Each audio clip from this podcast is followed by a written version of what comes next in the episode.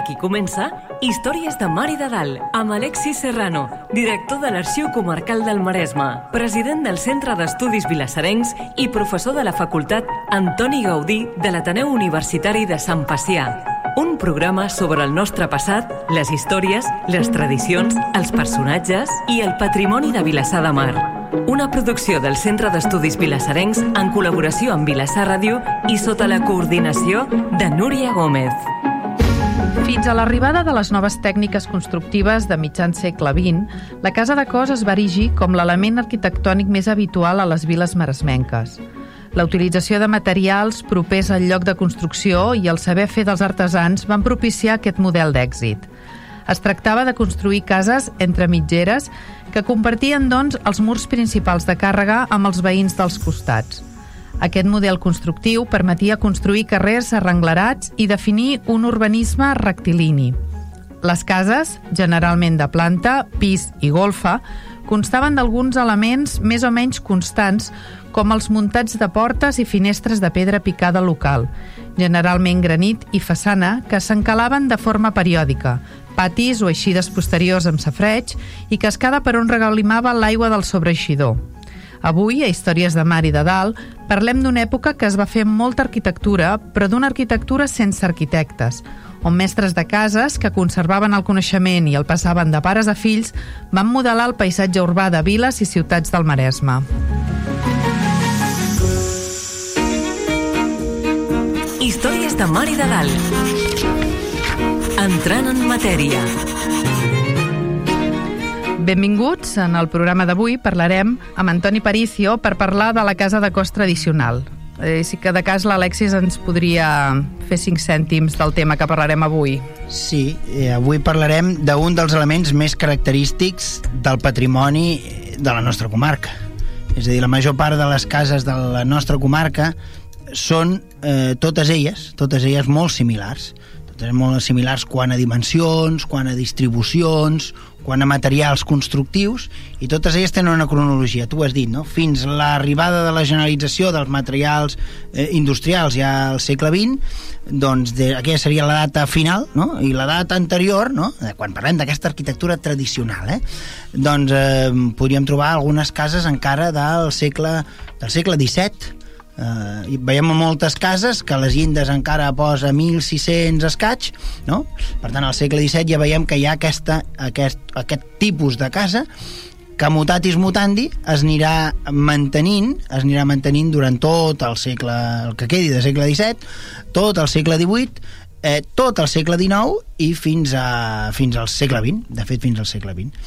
Eh, aquest, aquesta seqüenciació, generalització d'aquest element constructiu estandarditzat i que es anava replicant, eh, genera un urbanisme, un urbanisme que fa trams de carrers rectes no és que tot l'urbanisme sigui rectilini, el nostre cas, el cas de Vilassar Mar, segurament és el que és de tots els, de tots els municipis de la comarca, segurament és un dels més ortogonals, no? quan parlem de carrers ben arrenglerats, no? Um, d'això en vam parlar, com parlàvem amb, el, amb en Francesc Cavaller, um, fan aquest, aquest continu de carrers, però en altres indrets els carrers tenen unes altres alineacions, però hi ha trams que són completament rectes, perquè són la seqüència de 2, 3, 4, 5, 6, les que siguin cases de cos, que es van enllaçant les unes amb les altres, que com deies, la característica fonamental és que comparteixen les parets eh, mitgeres, no? la paret que separa un veí amb l'anterior, la, el comparteixen, per tant, i descansen les vigues meves i les del meu veí de la dreta i els del veí de l'esquerra, aquesta paret que és compartida, i, i que després hi ha tots uns altres elements, uns elements que es van mantenint i que són constants en el temps i altres que es van més o menys modificant. Per exemple, veiem com hi ha algunes èpoques on predomina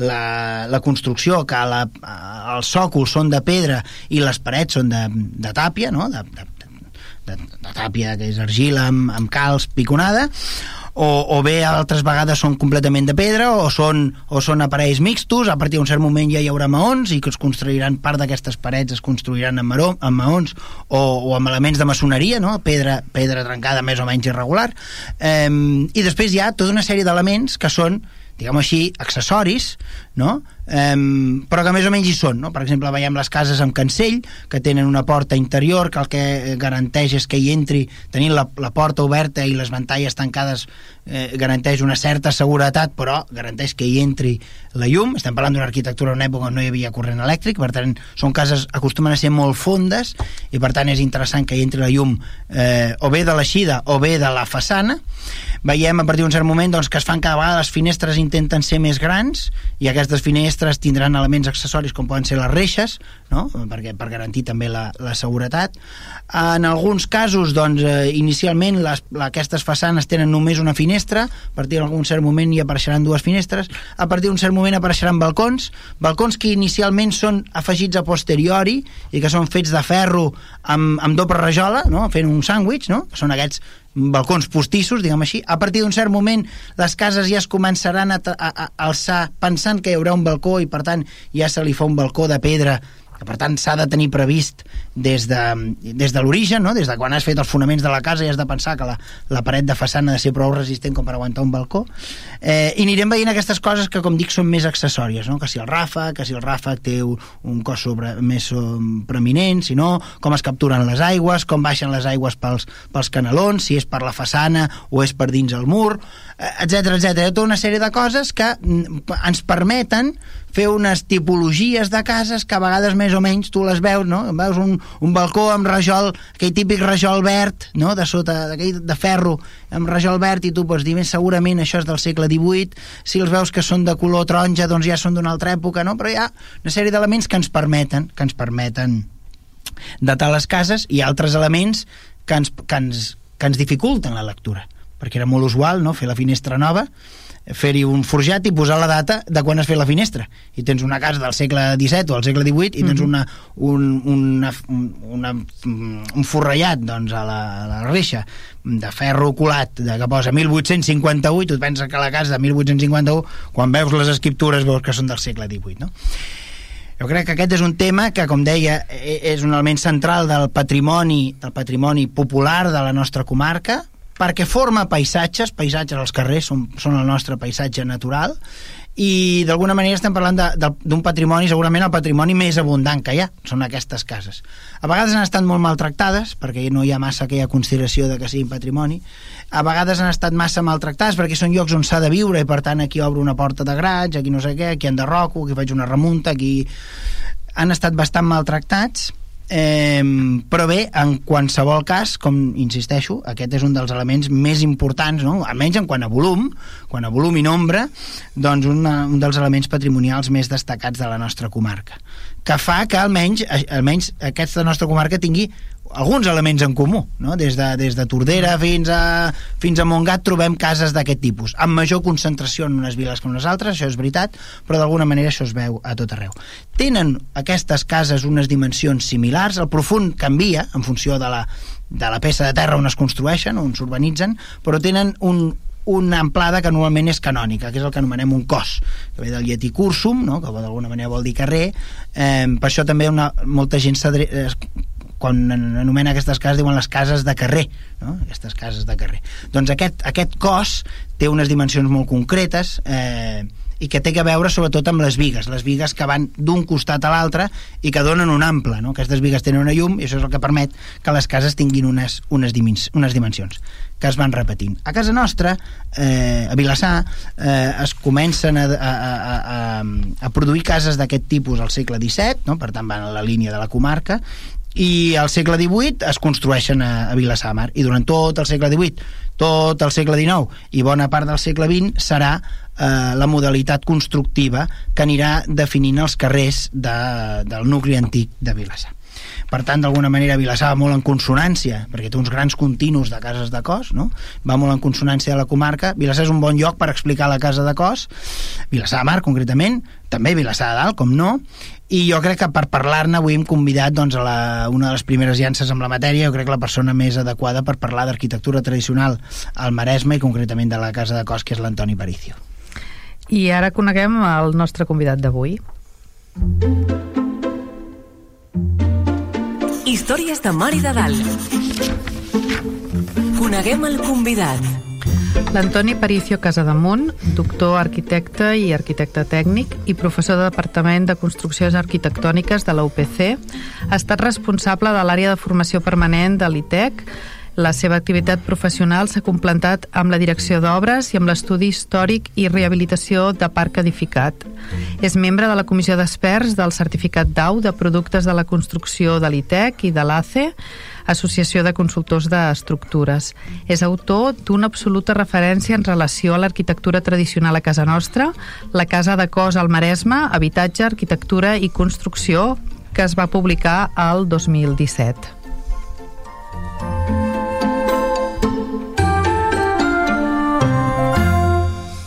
Benvingut, eh, doctor Varicio. Eh, Gràcies. Bueno, parlàvem abans amb la, fora de micro que havíem tingut el, el Francesc Cavaller que ens parlava de l'urbanisme i una de les coses que va sortir és, és la casa de, de cos, no? que aquí a, a Vilassar eh, en teniu forces. Que, que, és on en teniu més. No sé si és on, segurament Maresme? més no, segurament més no, eh? Sí, però en tenim moltes. Uh, si agafem l'inici de l'estudi sí. de les cases en general a Catalunya, hauríem de mm. referenciar-nos en Puig i Cadafalc. Val. Puig i Cadafalc en els seus estudis ja anomena aquesta tipologia de casa que es desenvolupa a tot Catalunya.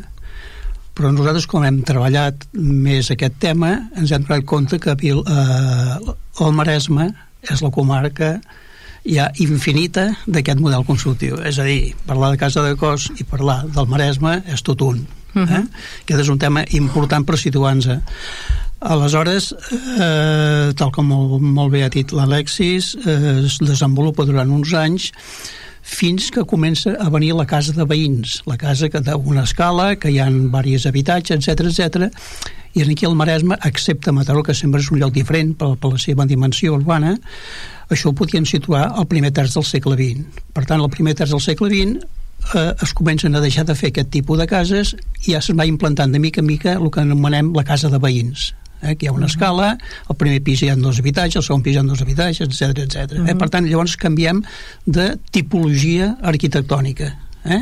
Sí. Però, és clar ens ha quedat un patrimoni extraordinari de les cases de cos i aleshores eh, aquestes cases de cos que hem heredat dels nostres avantpassats Ara el que fem és posar-los al dia les rehabilitem, les dotem de serveis, etc etc. Eh? Mm -hmm. Però és un patrimoni que hem de tenir present i l'hem de conservar per dues vies, o per rehabilitar-lo, en les cases més, més, el cas més general, o hi ha cases de cos patrimonials, és a dir, d'arquitectura culta, per exemple, el modernisme. Per tant, això és una altra via també de conservació. Eh? Mm -hmm. Són dos vies que val la pena tenir present les, les cases eh, primerenques, o sigui, les, les primeres, abans d'anar a buscar, doncs, això, no?, la diferència de eren totes iguals molts, material, molt similars molt similars de, bueno, de fet una de les coses que es comentava en aquell programa és que tu t'equivocaves de casa i trobaves tot tot el que, vull dir, el lavabo el trobaves al mateix lloc, la cuina també la trobaves al mateix lloc, mm. perquè eren com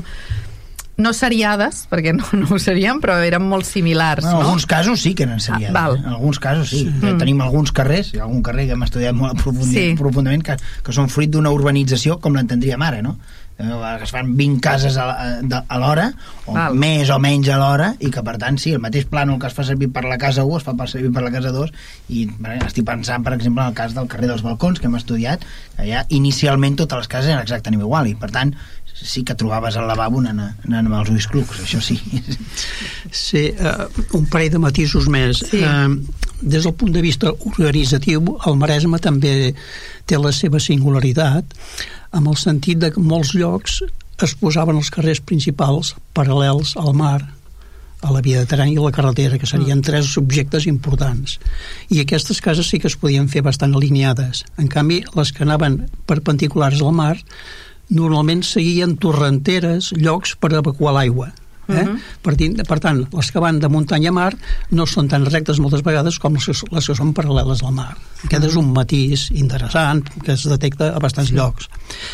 I després al Maresme Nord hi ha un altre matís important també, que hi ha una variant en el sentit de que quan no hi ha recursos econòmics i no hi ha diners per fer-se tota una casa, es comencen a fer el que sentim les cases cuina. Què són les cases cuina? Les cases cuina són mitges cases, és a dir, si la profunditat d'una casa té 10-12 metres, només es fa els 6 metres de darrere, deixant els metres de davant quan hi hagi recursos econòmics. Mm. Aleshores això passa a Arenys, Canet, Sant Pol no el tenim tan datat, Pineda, Calella, etc etc. Uh -huh. I què vol dir? Doncs que el que construïa una casa ho construïa de la línia del carrer 6 metres cap enrere començava a fer la casa. Feia l'escala, a darrere de la planta baixa el menjador cuina i a dalt l'habitació. I quan hi havia recursos econòmics acabava de fer la casa fins a la línia del carrer. Val. Eh? En aquest primer cas doncs, se'n deien cases cuina. Eh? Tot això està datat i i comprovat des del punt de vista del, dels documents arxivístics notarials que es conserven en els arxius. Eh? És un tema interessant. Sí, molt, molt, molt interessant. De fet, dèiem que, que la casa de cos, l'amplada és la de la viga, o sigui, el cos, o mm. mal, i, i la profunditat que podia variar. Per tant, sí, anàvem sí, sí. entre els 10-12 i, segons l'economia, a 6 metres, no? Vull dir, lo justet. És una forma de fer la casa. Val, eh? sí. La casa en general podríem dir que hi ha un primer espai, la caixa d'escala, i un segon espai, una vegada està feta. Val. I a darrere tenim l'eixida. Eh? Val. Aleshores, eh, hi ha una variant que val la pena tenir present. Quan es vol especular una miqueta més, mm. aleshores es fan una miqueta més profundes i en el mig, al costat de l'escala, s'hi fa l'habitació fosca, que se'n deia en aquella època. És a dir, que no tenia una ventilació directa a l'exterior, al quarto del mig. Eh? Mm Ara, quan rehabilitem aquestes cases, normalment posem unes eh, finestres al sostre, entrada de llum, ventilació, etc etc. I això feia que les cases, en aquest cas, tenien pues, 13, 14, fins 15 metres. Això succeeix molt a Mataró, Val. el lloc on realment experimenta més aquest tipus. Eh? Però, des del punt de vista d'habitabilitat, podríem dir que no és correcte. Eh? però en aquelles èpoques s'acceptava tot qualsevol forma de, de modificació d'aquesta mena. Uh mhm. -huh. Estava pensant, eh, quan dèieu lo del quarto, dic el quarto del mig. Quarto del mig. La seva, a casa dels meus avi dèiem el quarto del mig. Sí, sí, sí. sí. sí és curiós. Aquí a Vilassar eh, hi havia una altra, una altra manera d'anomenar-lo, mm? que era el quarto dels morts, ah. perquè mm, no sé per què, la meva àvia em deia que era perquè moltes vegades les vetlles dels, dels difunts, com que es feien a casa, sí. eh, s'acostumaven a fer en aquesta habitació, que l'habitació, mm. de fet, era la més petita, sí. i de fet a la gent no li agrada estar amb el difunt, realment. No. Vull dir que ja hi quedava algú resant el rosari, però la gent entrava, sortia, però, i per això moltes vegades, doncs, i encara hi ha gent gran que encara l'anomena així. Però en qualsevol sí, cas és el quarto del mig, sí. Sí, sí, exacte. Mm -hmm. és, és curiós. Um, també hem parlat al principi amb aquestes coses que em fa que, bueno, que em passa a l'Alexis i que jo us llegeixo, lo dels arquitectes bueno, l'arquitectura sense arquitectes, no? Vull dir, perquè ara, evidentment, algú es decideix fer una casa i hem de demanar un munt de permisos, i ha de venir un senyor que és arquitecte i ens ha de fer uns planos que s'han de certificar i tal i qual. Però això abans no funcionava ben bé així, no? No, no. Aleshores, bàsicament, abans teníem uns oficis mm. molt ben catalogats, molt ben formats, tots els professionals, no ara que tenim activitat constructiva que a vegades en 3 o 4 setmanes d'una preparació ràpida la gent ja sap fer un cel ras, sap posar plaques de guix, laminades, etc etc. però abans un aprenentatge d'un arquitecte o d'un guixaire, tot això necessitaven anys. Uh -huh. Amb la qual tota aquesta gent tenien un ofici molt, molt acceptat i molt correcte i eh, des d'aquest punt de vista es va sistematitzar la forma d'executar les cases. Eh? Per tant, aleshores a les comarques normalment no hi havia arquitectes, no hi havia mestres d'obra, a meitat del 19 comencen a entrar alguns mestres d'obra, per tant es comença a tecnificar i, i, i a concretar una miqueta més l'habitatge, i ja cap a l'època del modernisme ja comencen els arquitectes també a actuar. Eh? Uh -huh. Però tot el que sigui la construcció anterior era motiu dels oficis. I els oficis, aleshores, eh, plantejaven la seva forma de fer les coses, eh? picapedrers, ferrers, paletes, guixaires, etc etc. tothom tenia la seva part que ja estava molt estructurada com a sí. forma de fer. Per això en diem sistematitzar les cases, perquè totes feien bàsicament igual. Uh mhm. -huh. Excepte quan hi havia o un mestre d'obres o un arquitecte que feia una façana una miqueta diferent. Eh, adequat a l'estil de l'època, per dir-ho així, eh? o a l'estètica de l'època. Eh? També suposo que devia mm, haver-hi el fet de dir qui es podia permetre fer-se una casa una mica diferent, o sigui, jo no vull una casa igual que la del meu veí, que, sí. no, bueno, que no pot, i jo sí que vull que es vegi que jo puc, malgrat sigui igual, la vull diferent, no? Sí, sí. Mm, I aquí entraríem en un terreny en algun cas perillós en el sentit de que sí, en el sentit de que eh, hi ha cases de cos que eh, es fan segons una estètica determinada segons uns recursos econòmics molt alts, etc etc i el percentatge més elevat de cases que es fan d'aquesta mena amb, amb molta diguem dir, amb molt adorno, amb molta sofistificació de formes, mm. venen de capitals d'un altre lloc. Yeah. Eh? I aleshores, eh, en aquests moments hi ha dues tesis doctorals a Barcelona, una tercera a València, un equip de recerca a Barcelona que estan estudiant tot aquest tema del de, món que va anar cap a les Antilles, el món que va anar cap a Amèrica del Sud, a fer diners que després tornava, etc etc. És un tema que s'està debatint en aquests moments i s'estan sabent coses importants. Val, doncs més, és interessant també, eh? eh? Alguna, alguna de les coses que comentava per el, el segle XIX, finals del segle XIX, principis del XX, eh, la Universitat de Barcelona dona anualment 8 llicències d'arquitecte.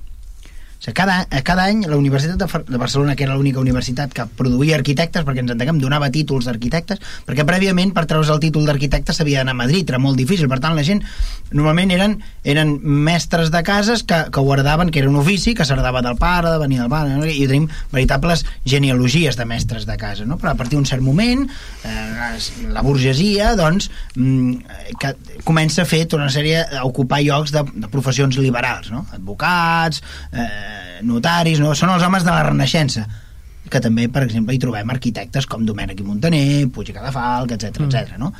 La Universitat de Barcelona genera, dona 8 títols l'any, vol dir que els coneixem a tots. Coneixem en Raspall, coneixem en Montconill, coneixem l'Eduard Ferrés, coneixem en Puig i Gafalc, en Domènec Montaner, eh, Antoni Gaudí, eh, Buigas i Montrabà, eh, Gaietà i Suquer, etc etc. Els coneixem a tots, no? Aquests que fan arquitectura molt concreta, molt característica, per exemple el modernisme, després el noucentisme, els coneixem a tots perquè tenen, tenen, tenen aquests noms però perquè en sortien molt poquets mm -hmm. i aquests eren, feien arquitectura diguem així signada, no? Un projecte d'arquitectura que va signat amb un nom que després els reconeix un col·legi, etc etc i és una arquitectura, diguem així, de nom però també deia l'Antoni, no? Moltes de, molts d'aquests elements estètics, no? de l'estètica modernista, per exemple, és d'importació. Altres tenim eh, també hi ha alguns estudis que veuen com per exemple la, la, la export, o sigui la, la l'esclat del modernisme per Catalunya eh, va molt a la vora de les línies del ferrocarril que són les línies que porten l'estiueig i l'estiueig porta el, el modernisme a les poblacions no? I per tant, les poblacions d'estiueig per exemple, m'ho invento, no sé, bueno, dic alguna com la Garriga, una població d'estiueig, sí. doncs allà hi arriba el modernisme. En el nostre cas també hi arriba una mica de modernisme i moltes d'aquelles cases que eren cases de cos no és que es refacin, per exemple, en aquest carrer mateix, aquest carrer nostre, sí. les fotografies més antigues d'aquest carrer, el carrer de Sant Pau, on hi ha els estudis de la ràdio, doncs són cases de cos normals. No? Però a partir d'un cert moment vas veient com les cases es van modernitzant i es fan unes cases modernistes, algunes altres dintre d'un estil més secessió, no? les que fa l'Eduard Ferrer, segons a quines cases, algunes altres cases noucentistes, però moltes vegades el que s'ha fet ha sigut, em farem servir una paraula actual, que és tunejar la façana. Però al final la casa és la mateixa, no? I, és, i això és molt, és molt usual de veure, no? La gent la casa, si tu vols destacar, perquè en aquesta casa hi, hi estiueges tu, que ets una persona doncs, que ha fet diners, que una, dos, que és, ets barceloní i estiueges a Vilassar, o ets vilassarenc, però hivernes a Barcelona, que també en teníem de casos com aquests, no? de gent d'uns certs possibles, i òbviament la teva casa no pot ser igual que la del veí. Tècnicament és igual que la del teu veí, perquè és igual de fonda, té el mateix nombre d'habitacions, etc etc. però a un cert moment, una, dos, o l'aixeques un pis, o bé li fas una façana o amb dues coses i això ho veiem doncs, però la casa és essencialment la mateixa Però llavors a la façana uh mhm. -huh. s'hi han fet esgrafiats s'hi han posat eh, elements de forja ceràmica, etc propis del modernisme per exemple uh mhm. -huh. però, però això són però tècnicament la casa segueix sent una casa de cos Sí, el criteri és aquest és a dir, a mesura que hi ha més recursos econòmics aquests personatges compren cases en aquest cas de cos, o per exemple una casa o dues al Passeig de Gràcia, allà on Montesiqui, sí. i la mateixa casa la transformen la mm. transformen i la adequen a l'estètica del moment. Val. I aquesta estètica del moment normalment va ser el modernisme. El modernisme. Eh? Però una estètica opulenta, per dir-ho sí, així. Eh? Sí. És a dir, pedra artificial, pintures, escultures, és a dir, eh, esgrafiats, tota una sèrie d'elements que no tothom s'ho pot permetre. No, clar. Eh? I com la qual hi va haver un moment que hi havia com una espècie de competència entre arquitectes a veure qui feia la casa més bonica adherida a una estètica determinada que es anava extenent per Europa també, sobretot mhm. -huh. per Bèlgica, França, etc etc. Eh? Uh -huh. Vull dir que aquest, ja és, aquest, aquest fenomen ja és tant amb les cases de veïns de Barcelona com les cases de Cos del Maresme. Eh? Uh mhm. No, no, està clar. Vull dir, a veure, aquí, a veure, no? a veure si quina queda més maca, no? I jo hi puc sí. posar això perquè tinc més diners i tu llavors va l'altre. És... Bueno, és, la... és, és minoritari això, eh, per això, sí, però bueno. Però, però n'hi has, no? Sí.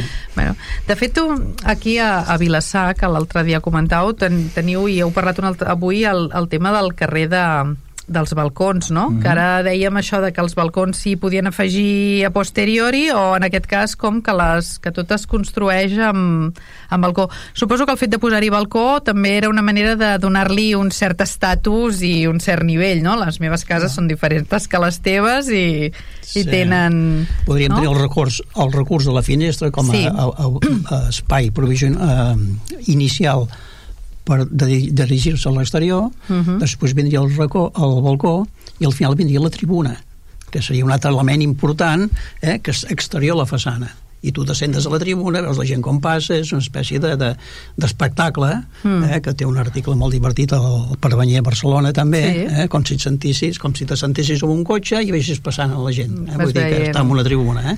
Mm. I aleshores també es posen de moda llocs on hi ha eh, aquests, aquestes tribunes i aquestes finestres en els principals carrers i llavors estima, hi posen els bars allà perquè la gent se senti en un lloc on te vegi que com transegunta la gent, com vesteix, etc etc. i normalment hi va gent de carrers interiors que no tenen accés a aquest tipus de visualització eh, amb espais més, més nobles, per dir-ho així. Diguem-li Passeig de Gràcia, Rambla Catalunya, en aquest cas, mm -hmm. o mhm. Passeig de Mar, en el Maresme. Sí, no? També. Està bé això, eh? Vull dir, som, som curiosos, eh? Al final sí, eh, sí, sí. ens agrada això de tafanejar i, i, i, i tot plegat. Um, les cases, inicialment, eh, comentàveu, eh?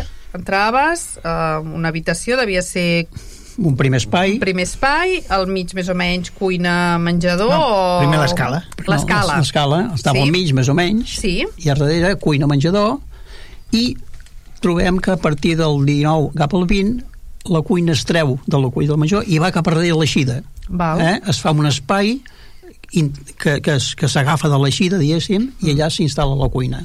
-huh. Mhm. i llavors queda el menjador més quadrat o més una forma més escairada i aquest és un tema important que, que en principi podíem dir de millora dels espais eh? Uh, i també a vegades s'hi afegeix cosa que higiènicament avui no acceptaríem que al final de la cuina hi ha uns, uns lavabos ja com Déu mana perquè, per dir-ho d'una manera popular, eh? Uh mhm. -huh. perquè també els lavabos hi havia la, la, el que seria la comuna abans, eh? hi havia la bassa i a través d'una vegada a l'any, per exemple, es treia la mesquita cap, al, cap als horts, cap a les vinyes, etc etc.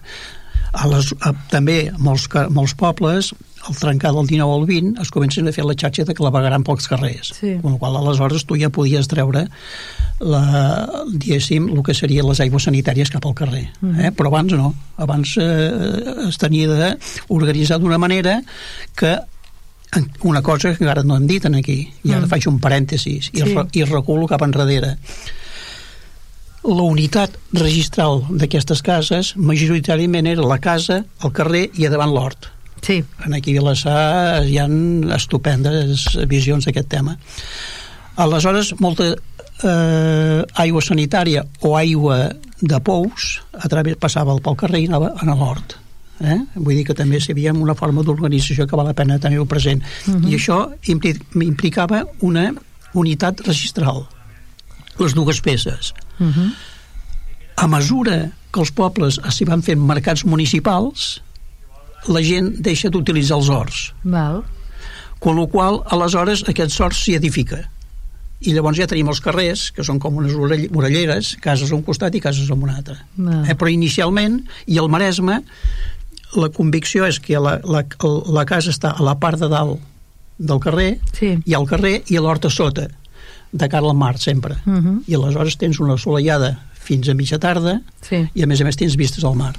Eh? Per tant, vol dir que l'estructura sempre es comença per les cases de dalt i al final s'acaben també construint les horts amb cases. Eh? Sí, ben, al final I, I les andrones al darrere d'aquestes cases que separen amb els horts posteriors. Del, de la casa del, del darrere, no? Exacte, i així tenim la seqüència, la seqüència mm. contínua d'aquest urbanisme entre públic i privat, eh? perquè això de les andrones no seria pròpiament Mm, un urbanisme, diguem així, col·lectiu, no? eh, municipal, sinó més aviat una cosa entre els veïns del darrere i del davant, no? Per això les eixides tenen sortida pel darrere, i segurament d'aquí ve el nom, mm. eh, i, i sí, realment aquest és un element que, que a casa nostra, Vilassar, doncs, que és, és gairebé de manual, jo crec que mm. eh, a pocs llocs trobaríem, trobaríem encara eh, aquest urbanisme fosilitzat, no? amb aquestes andrones que ara han perdut aquesta utilitat, moltes estan tancades però segueixen estant allà. No? Uh mhm. -huh. eh, molt, molt, molt interessant de com feien, repeteixo, aquesta, aquesta arquitectura sense arquitectes, sí. però que ho feien eh, perquè el coneixement no? i la repetició, no? jo ho, ho hem fet sempre i funciona, i la teva clientela et demana exactament el mateix que s'ha fet sempre per tant no s'ha d'inventar massa cosa més no? si la cosa funciona jo m'agradaria que parléssim una mica més de la casa com a element eh, tècnic sí. perquè en aquestes cases a vegades hi veiem que hi ha, que hi ha voltes no? voltes aquestes de mocador veiem que a vegades hi ha, hi ha algunes arcuacions eh, a, vegades, a vegades no n'hi ha eh, a vegades doncs, eh, hi ha l'embigat eh, l'estructura, no? eh, tots aquests elements, que si les vigues, les llates, etc etc. Jo m'agradaria que parléssim una mica més de l'element tècnic, de, que, segur, que jo crec que és la persona, jo crec que és la persona que més ho ha tocat, però no des del punt de vista, ara no vull, no vull menys tenir ningú, d'una persona que s'ho ha estudiat els llibres, no? una persona que ha desmuntat cases, eh? les ha disseccionat i les ha, les, ha, les ha vistes, perquè una de les coses que ha fet l'Antoni al llarg de la seva vida professional és precisament intervenir en cases que estaven construïdes i que ja ha observat unes certes patologies, jo crec que és la persona més indicada i avui bueno, li hem de demanar per això. Sí, a veure, la transmissió de coneixement es pot, sí. fer, es pot fer a base de documentació, però en aquest cas la meva documentació és la pròpia casa. Val. És a dir, eh, quan es desmunten les cases per fer obres, quan es tiren a terra per fer una casa nova, etc etc, jo vaig allà, analitzo tot com està fet, trec eh, documentació gràfica amb l'estudi, etc etc i a partir d'aquí és com puc dir eh, com s'ha eh, gestat la, la, la, la formació d'aquesta casa amb quins materials, etc etc. Per què això? Amb la finalitat de transmetre als companys de professió, arquitectes, arquitectes tècnics, quan hagin d'intervenir, que sàpiguen com estan fetes aquestes cases. Uh mhm. -huh. Perquè ells no han estudiat a la universitat. Han estudiat a la universitat les tecnologies contemporànies Bé. però no les, les tecnologies que venen de darrere. Uh mhm. -huh. eh? Aleshores, com que anem reinvertint els processos d'activitat professional, ara cada vegada més intervenim sobre el parc edificat existent. I és bo, doncs, conèixer com està format aquest parc edificat. Eh? Uh mhm. -huh. Aquest és un tema, bàsicament. Per tant, tots aquests treballs d'investigació estan dedicats pues, a, a transmetre a màsters i postgraus que fem a través dels col·legis professionals o de la pròpia universitat. Dit això, aleshores, aquestes cases, bàsicament, com, em, com deia eh, l'Alexi, estan formades per parets mitgeres paral·leles. Sí. Inicialment, i com a qüestió d'economia, aquestes parets estan fetes de tàpia. Què vol dir? És fang premsat. Fang que el, fang que el trobes al costat, per tant no hi ha transport de material. Eh? Aquest és un tema molt important.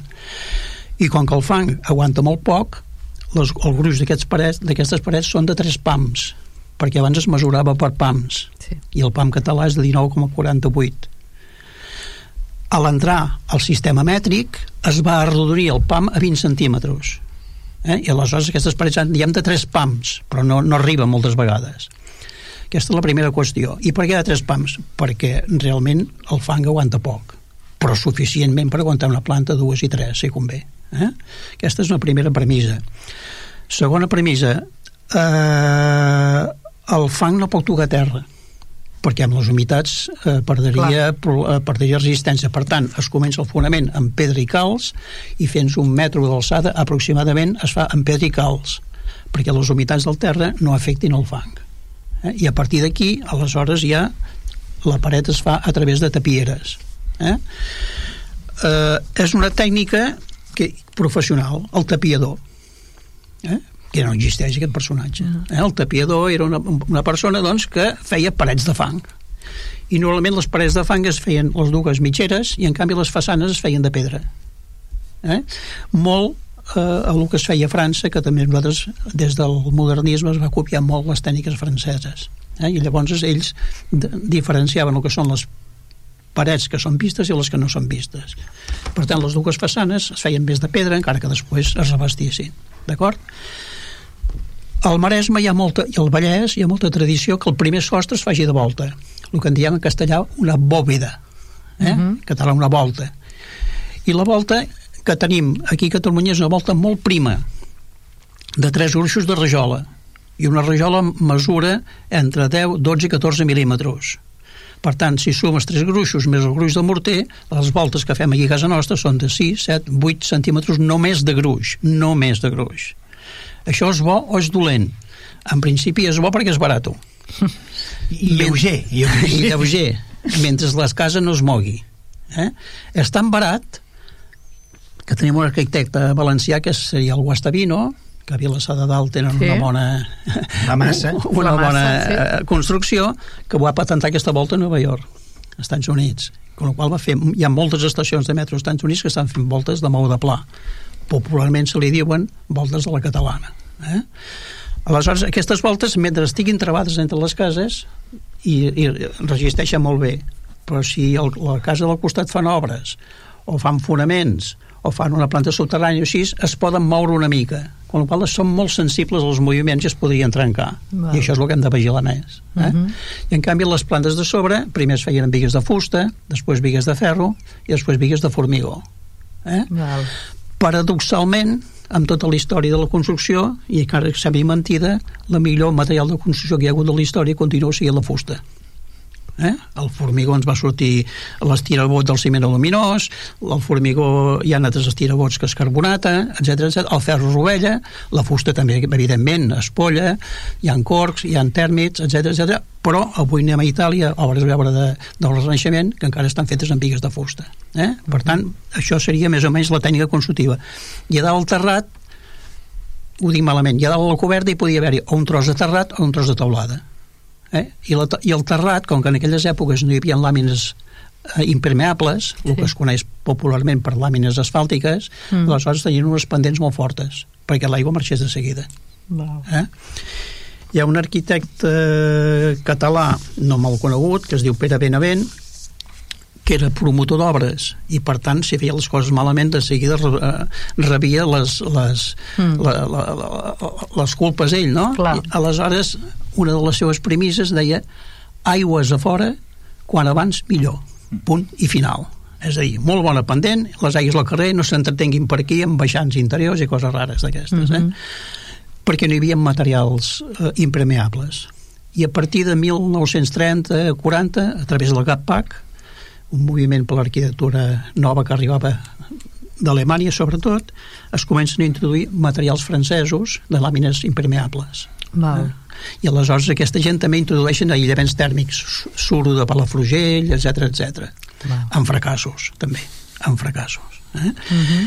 i més o menys la, la casa eh, eh, acaba d'aquesta manera uh -huh. eh? i els revestiments normalment són morters de calç, etc etc. perquè el ciment que té la mateixa funció a principis de segle valia set vegades més un quilo de ciment que un quilo de, de calç. Ah. Per tant, aquí estava clar el que es tenia d'utilitzar és la calç. Sí. I els que fabricaven ciment s'estiraven els cabells.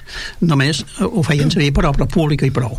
Eh? Uh mhm. -huh. I a partir de 1950 o 60 va revertir això, va, va girar i el ciment es comença ja a implantar massivament quan s'implanta la tecnologia del formigó armat, del qual aquí a Vilassar tenim un representant molt interessant, que és Eduard Ferrés, eh?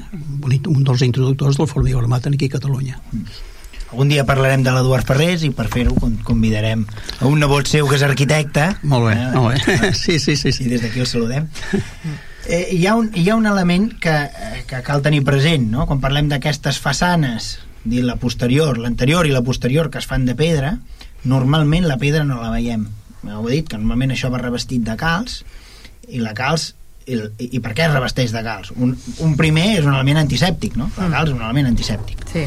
Eh, i, ens, i de fet encara la gent molt molt gran que encara hem conegut doncs ens recordaven com periòdicament les cases s'havien de tornar a encalar, no? Arrencalar, arrencalar. Sí. I això feia que tinguéssim una, unes cases molt uniformes, perquè les cases no estaven pintades de colors com ara estan, sinó que eren quasi totes blanques, no? Mm. De fet, els viatgers que passen pel Maresme van dient, a cada poble, diuen, no, no, no, cases blanques, no, no, cases blanques... Eh, és una mica com el leitmotiv que es va repetint, no? Veiem això en viatgers del segle XVIII, com, no sé, com Francisco de Zamora, però clar, veiem tot el segle XIX, etc etc. A les ordenances municipals, a més a més, obligaven cada X temps a encalar les cases. Primer per aquest element antisèptic, segon per l'element, diguem-ho així, d'uniformitat, perquè la gent antiga també els hi preocupava que les cases doncs, tinguessin una aparença més o menys maca, diguem-ho sí. així i després hi ha un altre element, que és que la nostra pedra de construcció, com que és la pedra del país, que a casa nostra, bàsicament, el, el, el Maresme és el granit, el granit té un comportament una mica complicat amb, amb el salnitre del mar.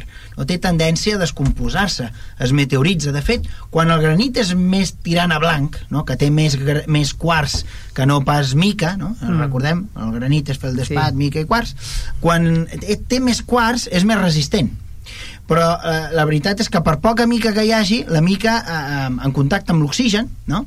doncs té tendència a meteoritzar-se, el granit es meteoritza. I de fet és molt normal que fins i tot les parts que eren de pedra picada, fins i tot a vegades doncs, també et calia, calia tapar-les i, i usualment es tapaven amb, amb calç.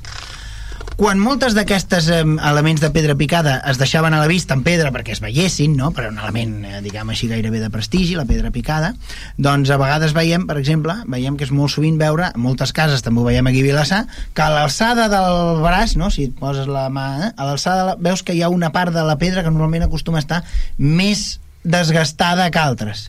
Per què? Doncs perquè anualment, com que si celebrava la, els, la benedicció de les cases, no? el salt pas, que es feia amb, amb aigua i sal, doncs encara aquell tros de pedra encara estava més exposat a l'erosió, diguem així, del salnitre, en aquest cas perquè un capellà hi feia una creu de, de sal. Sí. Eh, I això feia que aquelles pedres eh, encara es, es... I per això és normal veure que normalment als arcs de les portes hi ha un, a una determinada part, que sempre té una part més erosionada.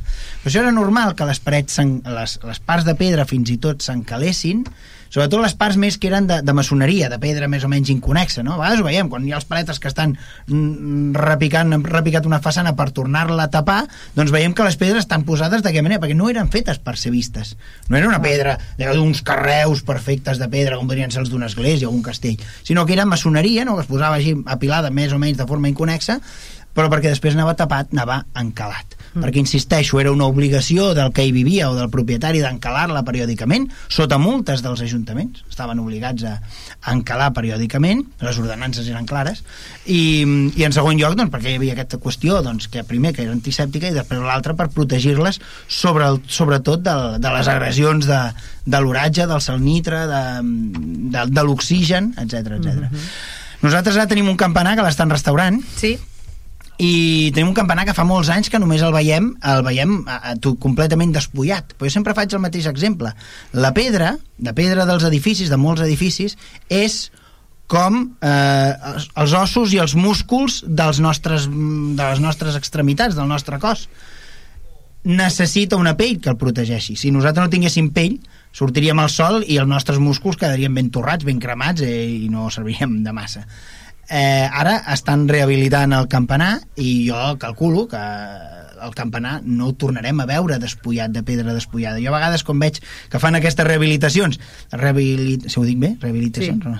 Eh, I els hi treuen les pare... la calç i els, aquestes proteccions, penso, patirem, perquè moltes vegades la pedra del país la nostra pedra, que mm. és el granit, i amb el temps l'haurem d'acabar tapant per protegir-lo, sobretot a protegir-lo quan estem tan a la vora, tan a la vora del mar. -huh. Sí, aquesta és una actitud que ens ve d'Itàlia, però que però que no va bé. És a dir, mm, es posa de moda el deixar veure la tecnologia que ja no és pròpia de la nostra època. I ah. això està de moda. Eh? Aquesta casa és de pedra, aquesta casa ja... etc etc. I el primer error va ser amb el romànic català. Val. Tot el que és... Sí. Tot està repicat, quan sí. mai havia estat repicat tot allò. Mm eh? i tot això és, són modes que ens venen i que amb com un tipus de construcció pues, acceleren la seva degradació. Uh mm. -huh. eh? La pedra potser no tant, però per exemple una construcció que ens va venir d'Europa també, que hi havia estructures de fusta que es revestien, etc etc. aquesta fusta en contacte amb l'exterior, que no està protegida, pues, tindrà un envelliment molt més ràpid per posar aquesta moda ara, uh -huh. en deixar-ho tot vist. Eh? Sí. Però la moda és deixem vist una tecnologia que ja no és pròpia del nostre temps. Aquesta és la moda. Val. Eh? Llavors deixem trossos desgrafiat amb una paret, restes d'un altre, no sé què. Tot això és un, un tema d'intervenció que ens ve d'Itàlia i que està molt bé, però que no és molt, molt eficient, per dir-ho així. Sí, jo d'això recordo el, el, en Joan Albert Adell, el deus conèixer, uh mhm. -huh. és un, també és un gran arquitecte especialista en rehabilitació d'edificis i ens ho explicava a Barcelona, a la vora, per exemple, de Santa Maria del Mar, uh mhm. -huh. algunes cases, d'aquestes com les que comentava l'Antoni, són aquestes cases d'entremat de fusta, no? que és el que els romans ja practicaven l'opus craticium, em sembla que es deia, no? que és construir l'estructura de fusta i després tot el que quedava enmig reblir-ho amb fang, amb pedra, amb amb totxo, amb el que hi hagués, no? I això és una arquitectura que es fa al segle XIII, XIV, XV, eh, a Barcelona, per exemple, però clar, això anava totalment tapat, perquè la fusta al Mediterrani no està, és a dir, no vivim en un ambient nòrdic no. per tenir... Eh, primer, que no tenim les mateixes fustes que en aquells indrets, no tenim mm. aquells avets, ni sequoies californianes, tenim una fusta que és mediterrània, per tant, mm, la nostra fusta no està feta per estar a l'intempèrie i aquelles cases anaven ben tapadetes, ningú veia l'estructura de fusta. De fet, era una arquitectura pobra, per tant, era millor que no es veiés. La gent que feia? Ho encalaven i després i dibuixaven un encintat, no? simulaven carreus no? eh, amb, amb, no sé, amb, amb alguna cosa, dibuixaven com si fossin pedres perquè realment eh, no, no s'havia de veure aquesta estructura. Uh mhm. -huh. Però sí que és veritat que hi ha aquesta mala, aquest mal costum, per exemple, els nostres veïns de Cabrils fa un temps van decidir eh, rehabilitar el campanar de l'església de la Santa Creu de Cabrils el van despullar i van dir, oi, que és maco que és de pedra i el van deixar així, van descobrir tres finestres que no es veien des de la façana etc etc. però la realitat és que el problema del granit i la, amb l'exposició doncs insisteixo que es va meteoritzant i alguna hora algú ben pensat de Cabrils haurà de dir l'hauríem de tornar a tapar i el més assenyat seria fer un encalat de calç que tradicional, entenc jo que és el que seria almenys almenys agressiu, almenys agressiu. Tornant a, la, a les cases de cos, un, una cosa, estàveu explicant, bueno, explicava una miqueta com es feia, no? Que si les parets de fang, tal i qual. Um, I parlàvem també dels oficis. Llavors, um, fent aquesta... mirant com estan construïdes, podem saber qui l'ha qui l'ha fet o... Um, és fàcil saber si les cases estan fetes totes per la mateixa persona o o tothom ho feia igual? Sí. Perquè el picapedrer deixa la seva marca a la, a la pedra sí. i ja sabem de qui és, no? Però, clar... No, no, normalment hi ha una sistematització de fer les coses quan no hi ha autor aquí darrere. Bé, això és el eh? que em eh? referia, no, perquè no tu autor. dius l'arquitecte, aquest és no. l'arquitecte i tal igual, no? Però en una casa d'aquestes... Sí, però sí que ens hem quedat a mig camí abans sí. i hem dit eh, les parets mitgeres de tàpia, però sí. el món va avançant i mm. arriba un moment, sobretot aquí a Catalunya, que s'imposa massivament l'obra de fàbrica. El que se diu els paletes, que posen maons. Eh? Sí. Aleshores, el pas serà transitar de la, de la tàpia al maó. Mm. I és un pas eh, greu, en principi. Per què? Perquè la tàpia hem dit que tenia 60 centímetres de gruix mm.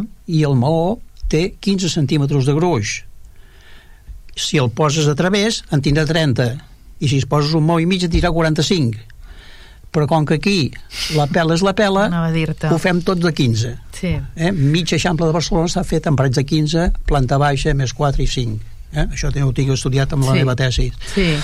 aleshores s'ha demostrat que això ben trebat també, també funciona mm. per tant aquí el que hem d'anar al tanto és modificar coses perquè destravarem i, tra i traurem rigideses eh? Mm -hmm.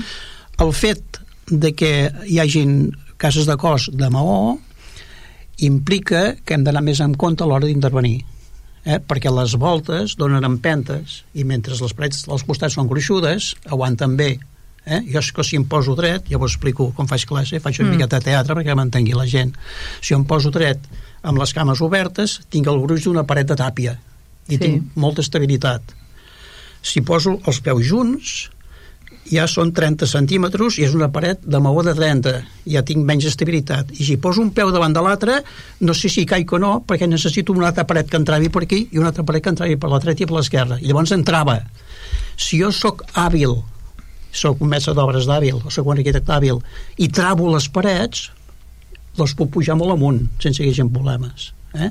per tant nosaltres hem d'advertir ara que com s'intervé amb edificis, al tant tu tirar una paret a terra perquè pots destravar un altre sistema. Uh -huh. eh? Ara és com un joc de dòmino, no? que vas fent una, un castell i si treus segons que una peça es pot desmuntar l'altra. No? Bueno. Per tant, una miqueta el que advertim nosaltres a l'hora d'intervenir en els nostres col·legues és que mm, si traiem una rigidesa l'hem de compensar d'una altra manera. Això no vol dir que no es pugui fer, sinó que hem d'anar més en compte. Mm. perquè la lògica de com estaven fetes les cases abans no és la lògica contemporània Uh -huh. I la lògica contemporània és el que el 99% d'arquitectes han après a la universitat. I la lògica d'abans és una altra que l'han d'aprendre després a través de postgraus, a través de màsters, eh? perquè la lògica del, del que hem heredat és diferent. Sí. Sobretot si és d'obra de fàbrica molt especialitzada aquí a Catalunya. Mm. De fet, eh, sol passar, no?, que algú tira una casa i de cop i volta la del costat cau perquè s'estava aguantant amb aquella que cau, no? Vull dir, hi ha, hi ha una interacció. Sí, sí, no? sí, sí, sí, sí, sí. O, bueno, o les, surten aquelles... De fet, el primer que enderroca la casa surt sí. perdent. Sí. No? Si jo visc en una casa de, de cos que se sustenta sobre dos entre mitgeres i jo enderroco la meva casa, jo el que faig és treure les vigues i treure les parets que hi ha entre mitges, uh -huh. però clar, les dues parets entre mitgeres han de quedar perquè els meus veïns se'ls ha de seguir aguantant la casa, el de la dreta i el de l'esquerra. I per tant jo hauré de, hauré de tornar a construir dins, però vol dir que els fonaments meus els hauré de posar arran de la, de la paret entre mitgeres. I per tant la meva casa es farà... Cada vegada que s'enderroca una casa de cos, s'estreny.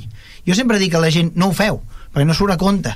Mireu de rehabilitar sempre que pugueu, perquè en el moment que enderroqueu ja vas perdent, vas perdent, perquè hem dit això, aquestes parets de 60, sí. en veritat són 30 teus i 30 del veí, i a l'altre costat també. també. Però en el moment que tu enderroques aquesta casa, tu perds els teus 30, els altres 30 i has de construir la casa dins. Bueno, si és amb el sistema de parets sí, però si és el sistema de pòrtics pots encastar en les mitgeres, doncs, pilats, etc etc. Vull dir, ja, ja està una miqueta estudiat tècnicament això uh mhm. -huh. per no mirar de no perdre tant, tant per dir-ho així. Però d'alguna manera era, estaven com, com encaixades, no? Vull dir que si treus una és el que dèiem sí. de l'efecte dominó, no? Que les altres et poden... A veure, jo tinc estudiat l'últim capítol del treball sí. aquest d'investigació i la primera i l'última casa d'un carrer sí? són les que poden tenir problemes per Val. acumulació de dilatacions. Val. Eh? Aleshores, pensem a Mataró, ho tinc més estudiat, hi ha, casa, hi ha carrers de 100 i pico de metres.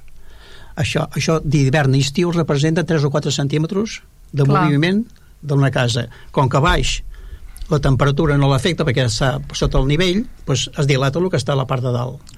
I el, aquest moviment va i ve, doncs s'acumula l'última casa. I si la penúltima es tira a terra, l'última queda desencaixada. Això, això està molt advertit en aquí. Després, si tires una casa al mig del carrer terra, també la resta de carrer pues, eh, se li treu rigidesa.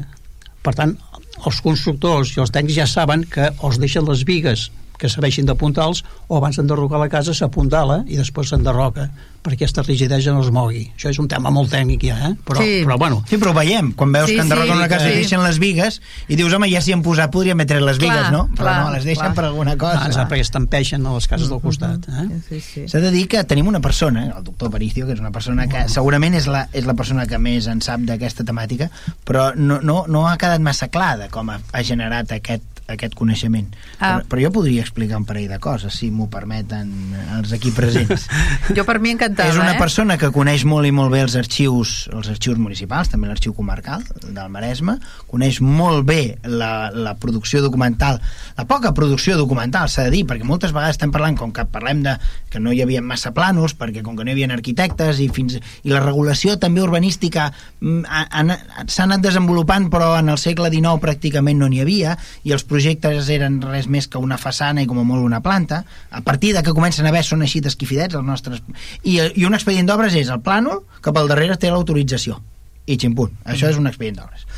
Això s'ho ha estudiat el doctor Paricio, molt a tota la comarca, al llarg i ample, a part de visitar altres arxius, clar que sí, però també, eh, no sé si puc comentar, el doctor Paricio és una persona que és coneguda per les obres perquè doncs, eh, es presentava amb la càmera de fotos, no només aquí, també a l'Eixample, es presentava amb la càmera de fotos i si li donaven permís per entrar, fotografiava i si no li donaven, doncs entre les reixes també feia fotos.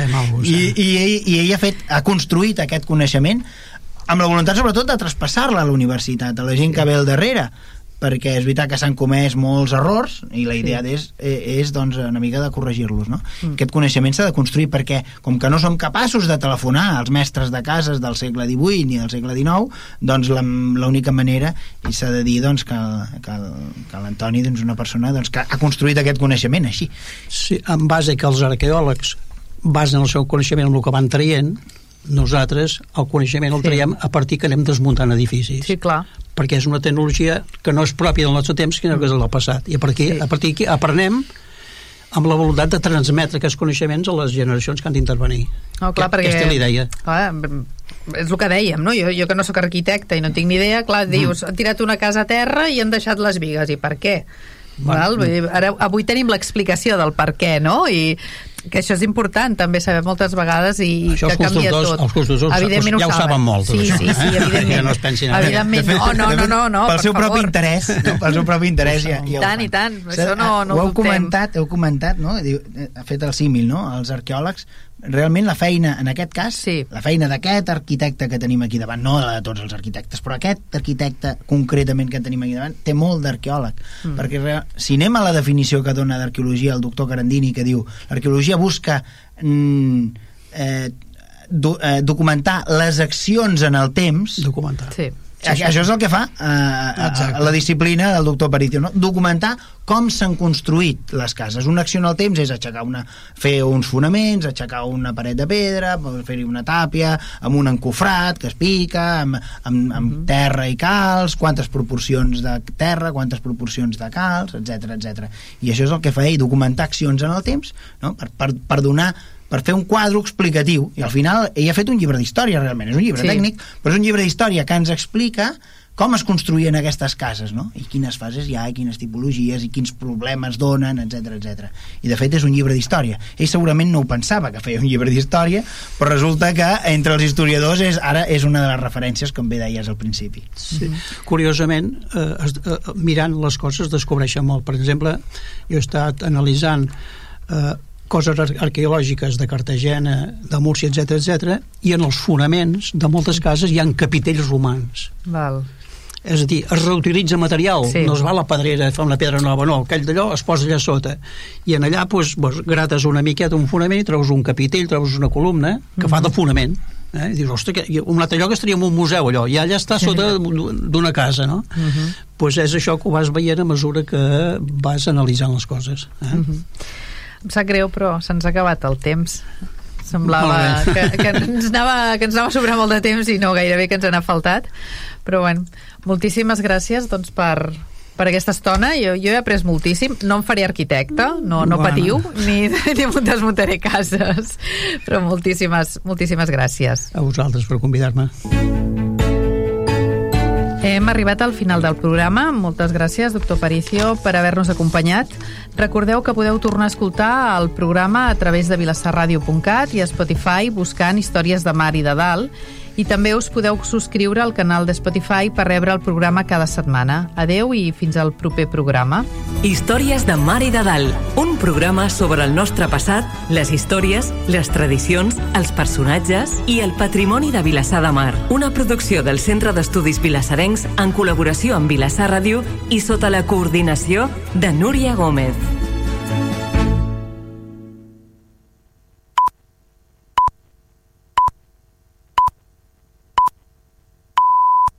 Vilassar Ràdio són les 10 de la nit.